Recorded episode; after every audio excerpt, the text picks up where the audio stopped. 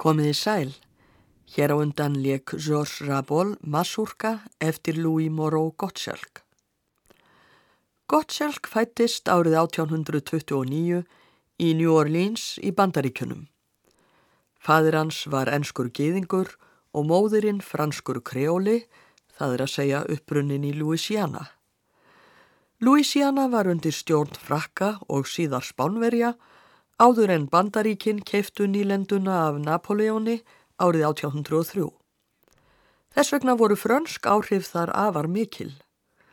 Móðuramma Gottschalks var frá nýlendunni Saint-Domingue sem síðar fekk nafnið Haiti og svertingjar settu mikinn svip á New Orleans meðal annars á Kongotorki skamt frá heimili Gottschalk fjölskyldunar þar sem svartir komu saman til að dansa um hverja helgi. Þessi margvíslegu menningar áhrif renna saman í tónlist Gottschalks sem helt amerískum sérkennum sínum þótt hann fengi tónlistarmentun í Evrópu. Gottschalk var undrabarn í tónlist og kom fyrst opinberlega fram 12 ára.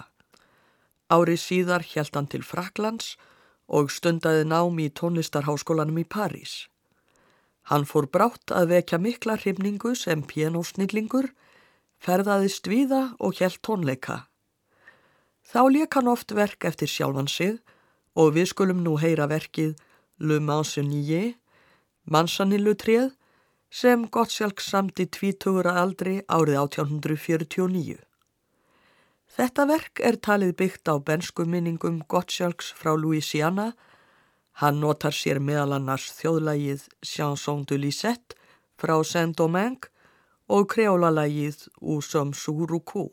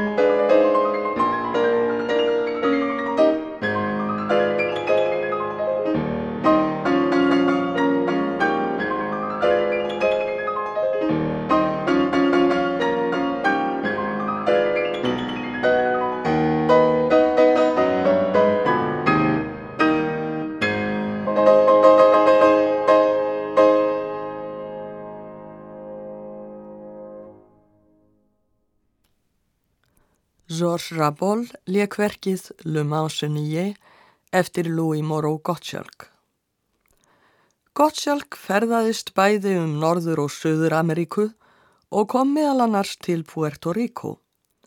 Hann hrefst af tónlist heimamanna og árið 1857 samdan verk sem hann kallaði Souvenir de Puerto Rico, Mars de Gibaro eða Minningar frá Puerto Rico Mars Sibaróana. Porto Rico var gömul stafsetning á nafni eigunar og Sibaró var orð sem notað var um bændur á Puerto Rico. Synkóperuð hrinjandi lagsins bendir fram til ragtæm og jazz tónlistarinnar.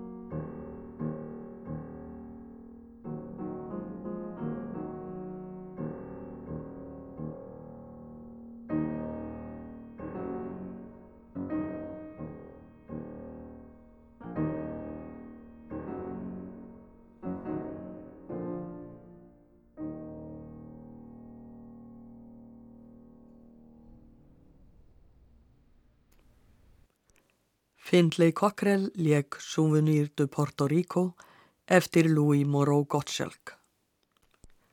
Árið 1854 leik Gottschalk á piano á tónleikum með sérlega efnilegum fyluleikara 19 ára gömlum. Tónleikarnir voru haldnir í Matanzas á Kúbu og fyluleikarin var fættur þar og uppalinn. Hann hétt Jose Silvestre White Lafitte og var dökkur á hörund, fadurinn spænskur og móðurinn af afrískum uppruna. Gottschalk hvatti hann eindreið til að fara til Evrópu í tónlistanám og útvegaði honum styrk til ferðarinnar. White hóf námið tónlistarháskólan í París árið 1855. Hann fekk Rómarvelunin fyrir fyluleik 1856 og einn af þeim sem dáðust að snilt hans var tónskáldið Gioacchino Rossini sem skrifaði honum í brefi árið 1858 hlýjan í flutningið þínum, tilfinning, glæsileiki og snild þeirra stefnu sem þú tilherir kalla fram listræna eiginleika hjá þér sem franski skólinn getur verið stoltur af. Fyluleikur White Lafitte vakti aðdáun viða og hér verður nú leikið verk sem hann samti árið 1864 um það leiti sem hann hóf tónleikaferil sinn. Það er fylukonsert í físmól. Þættirnir eru þrýr, hinn fyrsta á að leika hratt, allegro, annan kabla hægt en ekki um of, adagio manon troppo og þriðja kabla í meðalagi hratt, allegro moderato. Rachel Barton leikur á fylgu með Angkor kammersveitinni, stjórnandi er Daniel Heke.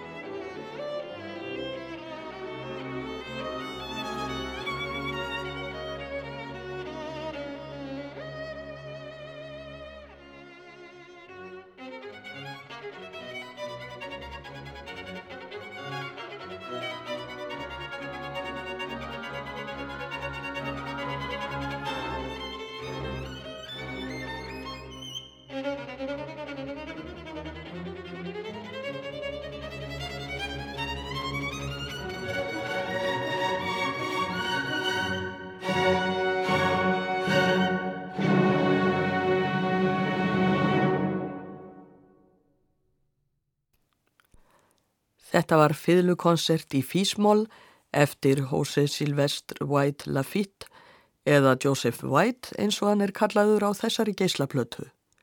Rachel Barton leik á fiðlu með Encore kamersveitinni, Daniel Hege stjórnaði. White Lafitte kemdi við tónlistarháskólan í París einn vetur og samti ettíður fyrir nefendur við skólan. Hann starfaði síðan í tíu ár við keisarlegu hyrðina í Rio de Janeiro í Brasilju en árið 1891 settist hann aftur að í París og bjóð þar til dauðadags 1918. Þá voru liðin tæp 50 ár síðan velgjörðarmadur hans Louis Moreau Gottschalk andaðist. Hann vektist af gulu og hnei niður á tónleikum í Rio de Janeiro 24. november 1869 og tæpum mánuði síðar lést hann aðeins 40 ára að aldri. Við heyrum nú að lokum verkið Le Deuxième Banjo, Banjo nr. 2, eftir Louis Moreau Gottschalk. Josh Rabol leikur á piano. Ég þakka hlustendum samfélgina, verði sæl.